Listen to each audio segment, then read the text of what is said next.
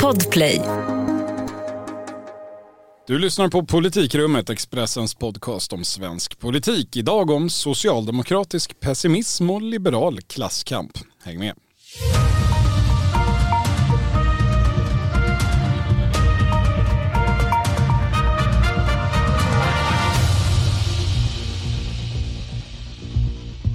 Det är tisdag den 21 juni, det är midsommarvecka och dags för sammanträde nummer 36 i Sveriges ledande tisdagspodd om politik. Med mig i politikrummet idag, Thomas Nordenskjöld. Hallå.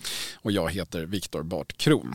Ja, sommarledigheten får eh, vänta lite i år för politikerna, kan vi konstatera. Ja, det blev ju ingen budget förra veckan, men kanske får vi det den här. Vi får väl se. Det beror väl som vanligt på riksdagens politiska vildar som det pratas mycket om nu. Eh, det var ju, noterade det att eh, Amineh Kakabaveh, som är den som egentligen sitter på utslagsrösten här, hon drog iväg på någon form av 50-årsfirande. Jag tror att det var i Tyskland. Hon var utomlands utslutade förra veckan, vilket skapade en del oro.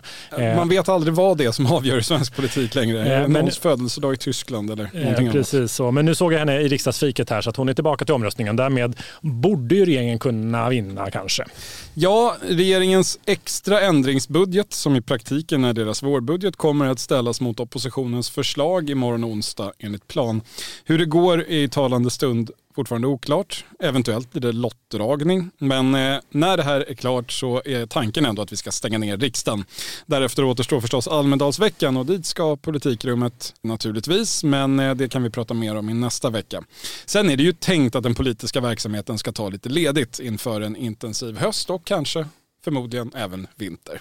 Ja, det lär behövas. Men osvuret är nog bäst där. Det kan ju komma både nya misstroenden och nya ändringskrisbudgetar mitt i semestern. Man vet aldrig numera. Nej, det vet man inte. I vilket fall, häromveckan så pratade vi här i politikrummet om hur läget plötsligt såg väldigt öppet ut inför valet. Socialdemokraternas långa uppgång den var bruten, högersidan hade stärkt sitt stöd, Liberalerna visade tecken på liv och mellan det som vi får kalla blocken rådde i stort sett dött lopp. Ja, men sen hände en del saker. Som vanligt gjorde det det. Vi hade misstroendecirkusen runt Morgan Johansson framförallt som eh, fick väldigt mycket uppmärksamhet. Efter det så kom en SIFO-mätning som hade Socialdemokraterna på 33 procent och Moderaterna under 20 och en återigen en tydlig övervikt för Magdalena Anderssons eh, block. Ordningen återställd. Ja, det tyckte man nog i det rödgröna lägret.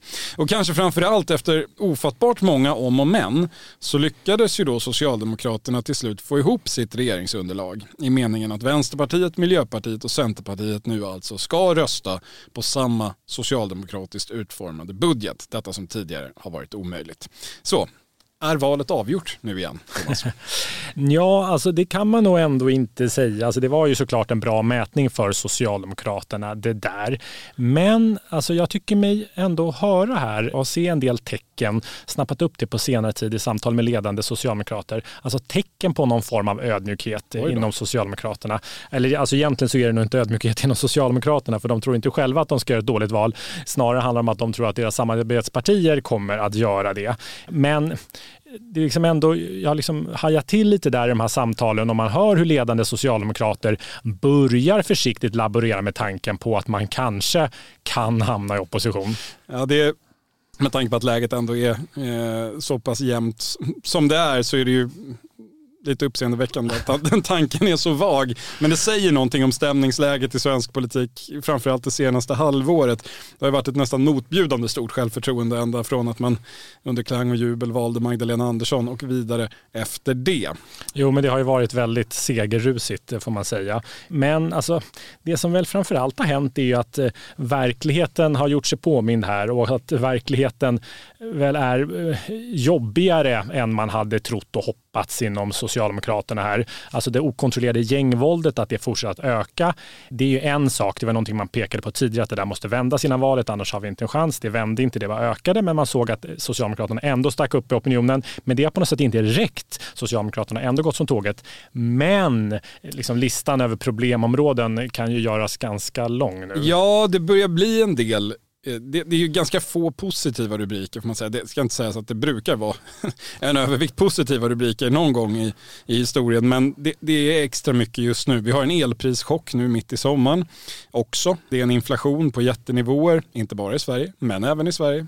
Det är stora räntehöjningar som aviseras. Det är en bostadsmarknad som visar tecken på tvärnit. Det finns ett passkaos pågående som ihop med ett kökaos eh, ställer till det för svenska folkets planerade sommarsemestrar. Särskilt passkaoset är ju inget klockrent tecken på en välfungerande stat får man säga. Nej, jag har inget pass. Du har inget pass? Nej. Nej det, då är du partisk här alltså. Eh, jag har faktiskt det ett år till. Vi får se om de har löst innan det. Hur som helst, det saknas inte bekymmersamma områden ur en sittande regeringsperspektiv får man säga. Nej, alltså lite är väl känslan så att vinner inte oppositionen nu, när ska de då göra det? Nej, men alltså en regering som har suttit i åtta år ska ju i regel ha svårt att väljas om en tredje gång. Eh, och i synnerhet när eh, det är en allmän känsla av att allt inte fungerar perfekt och att eh, det är kris i ekonomin. Det borde gynna oppositionen, men det är väl att det inte går bättre för oppositionen ett tecken på att väljarna inte hyser kanske allt för höga tankar om att de ska klara det bättre. Nej, det är väl en faktor. En annan är väl den oklara ansvarsfördelningen efter alla märkliga år med olika samarbeten hit och dit och budgetar som har vunnit eh, om vartannat. Men finns det inte en annan faktor i detta också, nämligen Miljöpartiet tänker jag. På något sätt har det ju blivit den allmänna meningen där ute i folkdjupet att allt elände är Miljöpartiets fel. Alltså ilskan tycker jag, den, den ilska man ser bubbla mot saker som inte fungerar tenderar att hamna i en ilska mot Miljöpartiet istället för mot de som har utgjort eh, ja, 80-90% av den styrande koalitionen och framförallt inte hos Magdalena Andersson. För bildsättningen att hon nu har tagit över för att vända på alla stenar och lösa samhällsproblemen som har skapats under Alliansen, Stefan Löfven och Miljöpartiets dagar, den har ju på något outgrundligt sätt faktiskt fungerat. Jo men så är det. Men sen tycker jag också att man, alltså det finns skäl att stanna upp för det här med ekonomin och den skenande inflationen. Alltså det är ju någonting som oroar på allvar eh, breda väljargrupper, hushållen och därmed eh, även politikerna som aspirerar på, på väljarnas stöd då. Alltså, någonstans är det ju så att det här med gängvåldet, det har ju det har ju liksom inte drabb, det har liksom inte varit medelklassens ungdomar som har eh, skjutit på varandra i, i, i, så stor utsträckning kan man väl säga. Utan, och jag tycker man har, alltså, de har någon, drabbats på andra sätt kan man ju säga. Ja, det har de gjort och det är klart att det här till slut har blivit ett stort problem så att det, även det, liksom, det är verkligen någonting som oroar stora väl, väljargrupper. Men jag vet i alla fall inledningsvis när det här liksom, våldet började eskalera, om man backar bandet ett antal år, då kunde man ändå höra ledande politiker som, som resonerade eh, på det här sättet. Att det här är ingenting som, det vet jag att jag hörde någon ledande socialdemokrat säga inför förra valet, det här är inget som kommer drabba oss särskilt mycket för det är ingenting som, som, som drabbar våra, våra väljare. Så. Men det här med liksom inflationen, den kan man ju inte gömma sig för. Ja, en bred ekonomisk smäll kan vi säga eh, tycks stå för dörren med lågkonjunktur, kraftigt höjda räntor och annat som väldigt få har möjlighet att eh, eh komma undan. Men ska ändå sägas, den politiska effekten är väl ändå inte alldeles självskriven tänker jag här. Så finanskrisen 2008 och framåt var ju som ett exempel, och det kanske senaste som går att likna eh, eh vid dagens situation, det var ju tvärtom vändningen uppåt för den då styrande alliansen med Fredrik Reinfeldt och Anders Borg. De hade legat väldigt illa till i opinionen så länge det var högkonjunktur. Och sen gick man från rökt då i eh, Sören Holmbergs eh, berömda eh, sammanfattning till vad som faktiskt var en ökning i valet, rekordhöga förtroendesiffror och väldigt mycket bottnade i att man ansågs ha hanterat krisen väl. Man skulle ju kunna tänka sig en liknande effekt för Socialdemokraterna i det här läget, särskilt som Magdalena Andersson går in i det här ekonomiska skymningsläget med ett eh, väldigt högt förtroende och en bakgrund då som just finansminister. Ja, men, ja nej, men så är det ju. Alltså, Socialdemokraterna har ju också fördelen av att de, ja, de har en enpartiregering som i och för sig inte får igenom sina budgetar, men den, den är ändå kan ju vara rätt snabbfotad här och här kanske man inte ens behöver få igenom någonting, men man skulle kunna tänka sig att man ändå går fram med någonting som man ska tänka sig genomföra efter valet. Och, men det är ju så att alltså, partierna här tvingas ju hantera en genuin oro där breda väljargrupper helt plötsligt är oroade för sin ekonomi och det är liksom en oro man inte hanterat på länge. Och jag tror inte man ska utesluta, vilket jag har en del från en del socialdemokrater, att det kan komma någon form av krispaket innan valet här. Vissa drar paralleller till valet 94, väldigt länge sedan, men då, då gjorde, det var ju verkligen ett val som präglades av den ekonomiska krisen då och då gjorde ju Socialdemokraterna just det. Man tvingades i valets slutskede, valrörelsens slutskede, komma med, ett, med, med en form av krispaket och det gjorde ju att man tappade en hel del väljare till framförallt då Vänsterpartiet tror jag det var. Jag tror S landade på 45 procent i slutet. Det var svagt av Ingvar Carlsson. Ja, ett riktigt fiasko. Men man ska säga, här har det ju skett en förändring också. Eh, krispaket säger du, då menar du politiska åtgärder som var jobbiga för eh, väljargrupper. Eh, när vi på senare år har pratat om krispaket har det nästan alltid handlat om högre utgifter och alltså om vi tänker på pandemin och, och de åtgärder som gjordes då, det var ju rakt igenom populära krisåtgärder. Så här kan det alltså handla om någonting annat med potentiellt andra effekter. Jo men så är det ju. Eh, sen är det också så att det man har sett här under våren där man har mött den här krisen genom att ge olika stöd, det är ju eh, åtgärder som allt fler inser inte är hållbara eftersom det kan spä på inflationen. Men eh, alltså, Alltså, jag tycker man annars från borgerligt håll hör man ju hur det här med jobbskattavdrag som var alliansens svar på alla möjliga problem och som väl till slut rätt många var ganska trötta på och kanske inte fungerade politiskt längre efter att man skulle införa, jag vet inte hur många, femte, sjätte eller hur många man nu genomför det. Men nu på något sätt har man fått nya argument för en bred, en bred skattesänkning som, som, som når alla. Men vad S-svaret, vad det socialdemokratiska svaret blir för att möta den här oron där breda väljargrupper, grupper, hushållen är genuint oroliga för sin ekonomi. Ja, men det återstår ju att se, men alltså hur man hanterar detta kan nog, tror jag, avgöra valet faktiskt. Ja, och kanske med vem man hanterar det då också. Krisen i början av 90-talet ledde ju till en blocköverskridande krisuppgörelse mellan den dåvarande borgerliga Bildtregeringen och Socialdemokraterna. Men vi kanske kan återkomma till det lite senare. Ja, men så tycker jag också att man kan, man kan ju notera här, alltså om man då resonerar om vad detta innebär politiskt, den här liksom, att vi är på väg in i någon form av eh, ekonomisk kris som ser ut att kunna bli, bli den djupaste på länge, så kan man resonera om att, alltså man kan notera det tycker jag i alla fall, att Moderaterna, de har ju haft jätteproblem problem i Stockholm. Alltså de har ju närmast klappat ihop i huvudstaden. De är nere på 16 procent efter att ha varit liksom ett 30 procents parti för inte så många år sedan. Så, och Socialdemokraterna har gått som tåget. Och det här är ju då borgerliga väljare i stor tidigare utsträckning. i alla fall. Ja, men tidigare, men som fortfarande enligt vissa mätningar eh, liksom, de, i ekonomisk politik och men de har rätt mycket borgerliga värderingar kvar, men de röstar, säger att de ska rösta på Socialdemokraterna. Dels kanske för att de gillar Magdalena Andersson, men det här kom ju faktiskt redan innan hon tog över, utan det handlar mycket om värderings värderings, att det är värderingsskäl i den här värderingskonflikten. De ogillar Sverigedemokraterna väldigt starkt. Men frågan här är ju nu, eh, och då har det, liksom, ja, men det har gjort att de kan tänka sig rösta på Socialdemokraterna eh, och har det så pass bra så de kanske inte skräms av olika förslag på eh, skatt på investeringssparkonton och annat. Men, men frågan är ju nu, kommer de här väljargrupperna stanna kvar hos Socialdemokraterna och olika vänsterpartier? Eller är de så pass oroliga för sin privatekonomi att andra överväganden får dem att gå tillbaka? Det är väl säkert i alla fall vad en del moderater hoppas på. Ja, och man kan ju också notera här i, i det sammanhanget vad, vad, Liberalerna håller på med just nu. Det är nämligen väldigt tydligt tycker jag. Den, den senaste veckan har man inte kunnat slå på radion eller tvn eller knappt gå utanför dörren utan att höra en liberal företrädare som i regel heter Persson, Johan eller Mats, stå och mässa om den hårt arbetande medelklassen. Det har du ja. säkert hört. Ja, det där har varit lite svårt att missa. Samhällsbärarna. Medelklassen som man då har pratat väldigt, väldigt mycket om, det är väldigt tydligt att man gör en poäng av att prata om medelklassen. Den är ju eh, sociologiskt lite svår att ringa in, särskilt i ett skandinaviskt samhälle med i grunden eh, ganska låga klyftor, eller små klyftor. Men Liberalernas egen definition är ändå rätt tydlig. Dels har man en sociokulturell definition. Medelklassen grillar, skjutsar till fotbollsträningar och spelar paddel enligt Mats Persson i riksdagens budgetdebatt i förra veckan. Eh, materiellt så har medelklassen framförallt bolån. I Liberalernas nya särskilt framtagna medelklasspaket så säger man nej till sin egen idé. Just nu pågår vår stora season sale med fantastiska priser på möbler och inredning. Passa på att fynda till hemmets alla rum, inne som ute, senast den 6 maj. Gör dig redo för sommar. Välkommen till Mio. CSRD, ännu en förkortning som väcker känslor hos företagare. Men lugn, våra rådgivare här på PWC har koll på det som din verksamhet berörs av.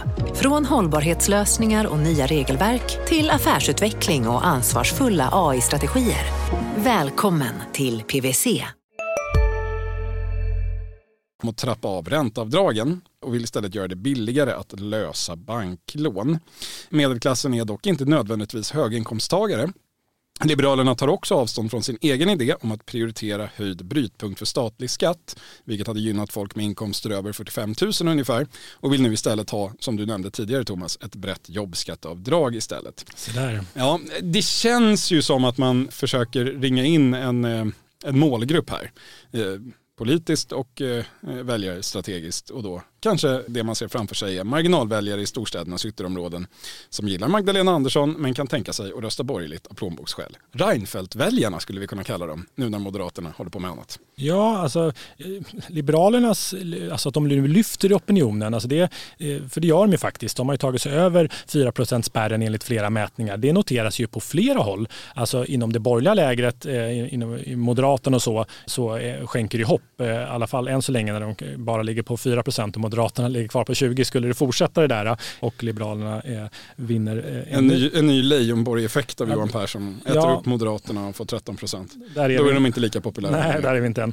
Även, alltså, Sverigedemokraterna är ju helt klart mer kluvna till, till detta, ett växande Liberalerna som tar sig över spärren, även fast de ju också ser att Liberalerna behövs. Men det man på vänstersidan här, det man hör när man pratar med ledande socialdemokrater, det är ju hur de ser att högerblocket då som uppenbart haft svårt att attrahera de här då som vi pratade om i Stockholm, de här mittenväljarna som i stor utsträckning har gått till Socialdemokraterna nu och kanske Centern, hur de helt plötsligt nu med Liberalerna har fått en spelare som kanske kan attrahera de här väljarna igen och att det är viss, liksom, ja, skapat viss konkurrens om, om de där väljarna igen det, som man ändå har upplevt att Moderaterna lite bara har släppt. Men sen, och sen är det så att inte minst det faktum att vid sidan av Liberalernas uppgång eh, så har ju då som vi nämnde Miljöpartiet, S eget krisparti här om man kan tala i de termerna, de lyfter ju inte i opinionen och eh, det gör ju att det hela med Liberalernas lyft, Miljöpartiets problem, ja, men skulle kunna tippa över till, till högerns fördel. Vi kanske får se en socialdemokratisk valkampanj som eh, har udden mer mot Liberalerna än vad de kanske själva hade föreställt sig när de drog upp planerna. Men hur känner Socialdemokraterna då inför sitt eget underlag? Eh, nu har man ju faktiskt, eh, som vi pratade om från början, fått ihop en budget med alla eh, inblandade samarbetspartier som ska rösta på den imorgon. Är man inte nöjd då? Finns skäl för viss optimism kanske? Eller? Jo, men det eh, borde det ju finnas och finns säkert eh, till viss del. Men eh, jag tycker också att man tycker mig också ana när man pratar med, runt med socialdemokrater här att de ändå trots allt eh, ser problem med den här låsningen som finns inom deras eget regeringsalternativ mellan Centerpartiet och Vänsterpartiet fortfarande. Det här liksom förhandlandet via ombud, ja det fungerade men när man blickar framåt nu och kanske ännu mer när det är en djup ekonomisk kris så ser man att det där liksom inte är hållbart i, i, i längden och att man verkligen, eh, ja, men det är en ganska bred insikt bland, bland eh, ledande socialdemokrater hur man måste, man kan inte regera i längden utan ett fungerande budgetsamarbete, utan en liksom, stabil grund i riksdagen. Men för att det ska fungera så måste man få Centerpartiet att, att acceptera ett samarbete med Vänsterpartiet och det tycks inte Centerpartiet ha gjort ännu men där, där, trodde man ju ändå, eller man borde inte den här vårbudgeten ändå vara ett genombrott i den riktningen. Alltså det är ju uppenbart att Centerpartiet verkligen ville rösta på den här socialdemokratiska budgeten. De pressas dit av opinionen. Det har ju gått ut för sedan de inte gjorde samma sak i vintras. Eh, det trycket lär inte minska och även om de säger att de inte ska förhandla med Vänsterpartiet så går det ju att se från månen att de här står i begrepp att rösta på en budget vars största inslag är en vänsterpartistisk reform, om än omdöpt och något modifierad. Ser vi fel? Nej, Eller men, vad är det vi inte ser? Nej, men, nej, men initial, vi som står på månen och nej, men Jag pratade ju själv och har skrivit om det. Initialt så skapar det där liksom en väldig, liksom en, en stor glädje och optimism i, eh, inom Socialdemokraterna och, och, det ses ju helt klart som ett steg i rätt riktning. Men som ofta eh, i fallet med Annie Lööf så har hon, liksom, tar hon ett steg vänsterut framåt som Socialdemokraterna ser det, men så tar man ett halvt kliv tillbaka och det där blir ju liksom en rätt eh, knepig dans får man säga. Möjligen lite tröttsam för de som tittar också. Ja, men, men, men, sen är det också så att man, liksom, jag tyckte det eh, var när man såg, eh, Annie Lööf framträdde ju i helgens Agenda. Och eh, jag tycker ändå eh, liksom det är värt att notera där, det kanske inte vittnar om att hon ser framför sig att hon månar relationen till Vänsterpartiet särskilt mycket. Alltså eh, Annie Lööf, hon gick ju, eh, hon, ja, men det handlade ju om det här liksom uppgörelsen nu om pensionerna och kompromissförslaget där Socialdemokraterna gått emellan och så för att få både Centerpartiet och Vänsterpartiet att ställa sig bakom bakom detta. Men då, eh, nu när Annie Lööf skulle beskriva hur det hela hade gått till så var det ju, hade Vänsterpartiet fått eh, släppa allt de trodde på och det var ett centerpartistisk reform i form av höjda garantipensioner som nu gick igenom. Det där är ju att tänja på sanningen en del får man väl säga. Jag tror att det, ja, det var väl just höjd garantipension som Vänsterpartiet först ville ha. Ja men så var det ju. Det var det de först ville ha och eh, vad jag har fått höra så var det det också som man som i den här eh, när man förhandlade här och försökte få med Centerpartiet så var ju Vänsterpartiet återigen eh, beredda och förde fram det som ett förslag och nu så säger Annie Lööf då att det var hennes förslag från första början. Ja, några. det var lite ironiskt när man lyssnade på budgetdebatten i, förra veckan och när, när centerpartistiska sidan slår sig för bröstet och säger att nu har vi minsann tagit bort Nooshi-tillägget och sen kommer Vänsterpartiets företrädare och, och är väldigt glad att Nooshi-tillägget nu ska bli statsbudget. Så det, det är någon slags bildsättningsstrid som pågår här, men den går ju ändå i Vänsterpartiets riktning får man ju säga. Men handlar inte detta också om att Centerpartiet till varje pris vill sitta på sina två stolar hela vägen in i valdagen? Alltså man måste stötta regeringen för annars så riskerar man att hamna i en väldigt obehaglig situation vid riksdagsspärren helt enkelt. Men man måste låtsas att man inte är på väg åt det hållet för den inre fridens skull och för, att, eh, för den prestige man har byggt upp under de här åren. Typ. Något i den stilen. Ja, men jo. Men, jo. Jag, hade, jag hade nog ändå varit lite mer optimistisk om jag var socialdemokrat av just det skälet. Men det, vi kan lämna det för nu, men det finns ju säkerligen skäl att återkomma.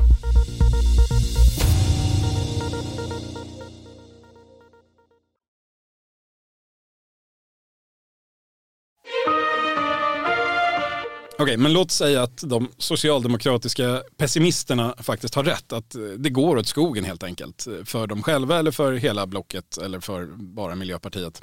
Hur som helst, man hamnar i opposition. Hur känner man för det? Ja, men jag tycker att man börjar skönja där eh, någon form av mental förberedelse på tanken på att eh, det skulle kunna hända ändå. Alltså, tidigare har ju bara tanken på att hamna i opposition skrämt slag på Socialdemokraterna. Erfarenheten från de här åtta åren mellan 2006 och 2014 då man betade av både Mona Sahlin och Håkan Juholt och eh, men de var ju rätt jobbiga. Ja, man, man får inte nämna de där namnen i, i socialdemokratiska sammanhang för då kommer de.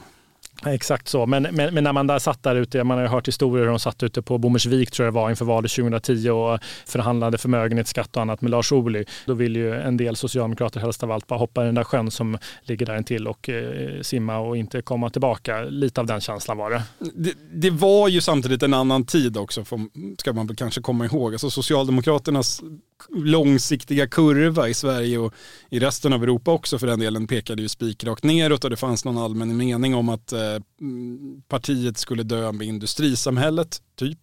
Och att framtiden, det var någon slags uppgörelse mellan liberaler å ena sidan och miljöpartister på den andra. Typ. Och riktigt så är ju inte stämningsläget nu här tolv år senare.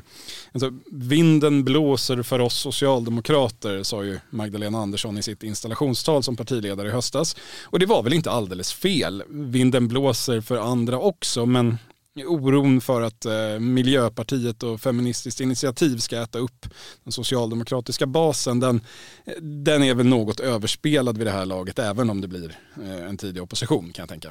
Ja, och det som också eh, tycks bidra till att det här liksom, tanken på att hamna i opposition inte skapar samma ångest som det har gjort tidigare, det är ju också just det faktum att ingenting pekar på att Socialdemokraterna är på väg att göra ett dåligt val. Alltså, och inte minst då kommer de slippa byta partiledare. Alltså, Eh, det är ingen som tror att Magdalena Andersson kommer lämna utan eh, hon har ju själv pratat om ett eh, eh tioårigt åtagande. Så det gör ju att man någonstans, om man nu skulle hamna i opposition och om man då som man själva tänker att man kommer göra ett bra val, kommer gå in i opposition i en stark ställning, inte behöva hamna i olika maktstider utan att hon sitter kvar. Och det gör att man inte skräms av tanken eh, på samma sätt. De ser framför sig att hon kan sitta där och Eh, med sitt enorma förtroendekapital och eh, eh, vara en väg ut när högerblocket faller samman i inre stridigheter. Typ. Ja, och sen, sen kan man väl också, det, det, när man pratar runt med så olika regeringskällor och annat så är det ju så att efter åtta år i, i regeringsställning så, nej, men många är rätt trötta. Alltså det är så, det är rätt påtagligt tycker jag när man pratar att eh, de, de liksom, det, det, det är slitigt att regera och det har varit olika, det har varit så många ändringsbudgetar och sådär så att det gör väl att en del när man pratar, när man lyfter luren och, och, och ringer folk så, så, så eh, kanske de bara tänker åh vad skönt det kan bli lite lugnare. Ja, nu får jag flashbacks till hösten 2014 när en massa borgerliga företrädare var lite på samma spår att ja, men det är ändå skönt med en tidig opposition här efter åtta slitsamma år det gick över ganska fort kan sägas. Det var ju starten på ett elände som fortfarande pågår. Eh, jag tror ingen skulle eh, vilja eller alla skulle nog vilja ha den valförlusten ogjord. Men hur som helst. Frågan är ju då om Socialdemokraterna verkligen kommer att lyckas hamna i opposition, även om de kanske tilltalas av den tanken. Om nu allt ute i verkligheten då går, fortsätter gå åt skogen. Inflationen skenar vidare, kriget i Europa fortsätter, kanske förvärras. Lågkonjunktur, potentiell fastighetskris, vem vet vad. Någonstans infinner sig förstås frågan om var gränsen går för en riktig krishanteringsregering eh, som då eventuellt skulle innebära mer oväntade samarbetspartners. Ja, men det kommer ju nog bli ett tryck där. Eh, viss, från visst håll mer eh, lätt att förutsäga tror jag. Man kan ju ana hur det kommer, vad som kommer stå på DNs, DNs ledarsida i höst när olika regeringsalternativ ska försöka hanka sig fram och så och, och bilda en fungerande regering och kanske misslyckas med det. Alltså, jag tror egentligen att Socialdemokraterna, de är inte speciellt rädda för tanken på en regering med, med Moderaterna. Det är inget man, man vill, men det är ingenting man heller skräms jättemycket av. Och jag tror inte att man ska ut det i ett väldigt låst läge, alltså en samlingsregering mellan socialdemokrater och moderater. Men det som framför allt talar emot det är ju Moderaterna. Alltså, och det har nog mer att frukta för det, eh, tror jag att de själva tänker. Men då i ett läge där de rödgröna blir störst, för det är, det är bara då tror jag som det här skulle kunna komma på tal, alltså blir högeroppositionen, M, KD, SDL störst, men då, då kommer Moderaterna aldrig släppa statsministerposten. Men skulle de rödgröna partierna bli, bli störst med några, några enstaka mandat, men inte få ihop det här med Centerpartiet och Vänsterpartiet Vänsterpartiet. Och man, ja, men vi närmar oss årsskiftet, vi är inne i december kanske, det har varit ett par omröstningar. Sverige ska ju ta över som ordförande i EU vid, eh, där vid, vid årsskiftet också. Nej, men I det läget ska man inte, eh, med tanke på alla de här de kriserna vi pratar om, krig och, och svensk NATO-process som inte rör sig Jag fram. kan tänka mig att det i det läget också skulle komma ett tryck på Moderaterna, kanske från eh, deras eh, närmare kretsar, näringsliv och ja, storföretag och sådana som är måna om ja, att Sverige inte blir en bananrepublik i EU-ordförandeskapet och, och, så, att det, att det faktiskt kommer uppstå ett tryck från oväntat håll på att man ska kunna hitta andra lösningar. Så ja, det får väl se. Det, Verkligen. Det vore onekligen en twist på det hela, så 12 års eh, bråk kan man säga för att utforma en ny sorts blockpolitik och sen när den väl ska komma på plats så blir det samlingsregering. Vi får väl se. Ja, Andersson och Kristersson som landets ledarduo. Eh, man vet aldrig. Då får han följa med på nästa amerikanska eh, ja, båtbesök som man inte fick senast. Frågan är väl också om någon av dem står ut med tanken på att Annie Lööf sen ska stå där i fyra år, klappa sig själv på axeln och säga vad var det jag sa? Det var det här vi skulle haft från början. Man frågar sig hur kul det är för Annie Lööf att sitta där med denna majoritetsregering som eh, genomdriver allt. Men, eh, ja, det är en annan, det, det tror jag inte någon centerpartist riktigt har tänkt klart kring. Men mycket oklart, det kommer det fortsätta vara. Men eh, fortsätter man lyssna på politikrummet så får man i alla fall veta hur det går förr eller senare. Vi är tillbaka om en vecka. Då är det vårsäsongens sista ordinarie avsnitt. Eh, tack för idag Thomas Nordenskjöld. Tackar. Tack till er som har lyssnat. Hörs igen om en vecka. Hej hej.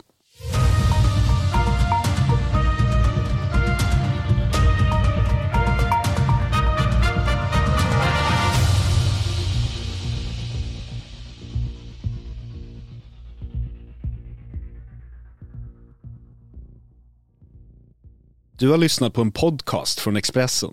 Ansvarig utgivare Klas Granström. Hej, Synoptik här. Visste du att solens UV-strålar kan vara skadliga och åldra dina ögon i förtid? Kom in till oss så hjälper vi dig att hitta rätt solglasögon som skyddar dina ögon. Välkommen till Synoptik.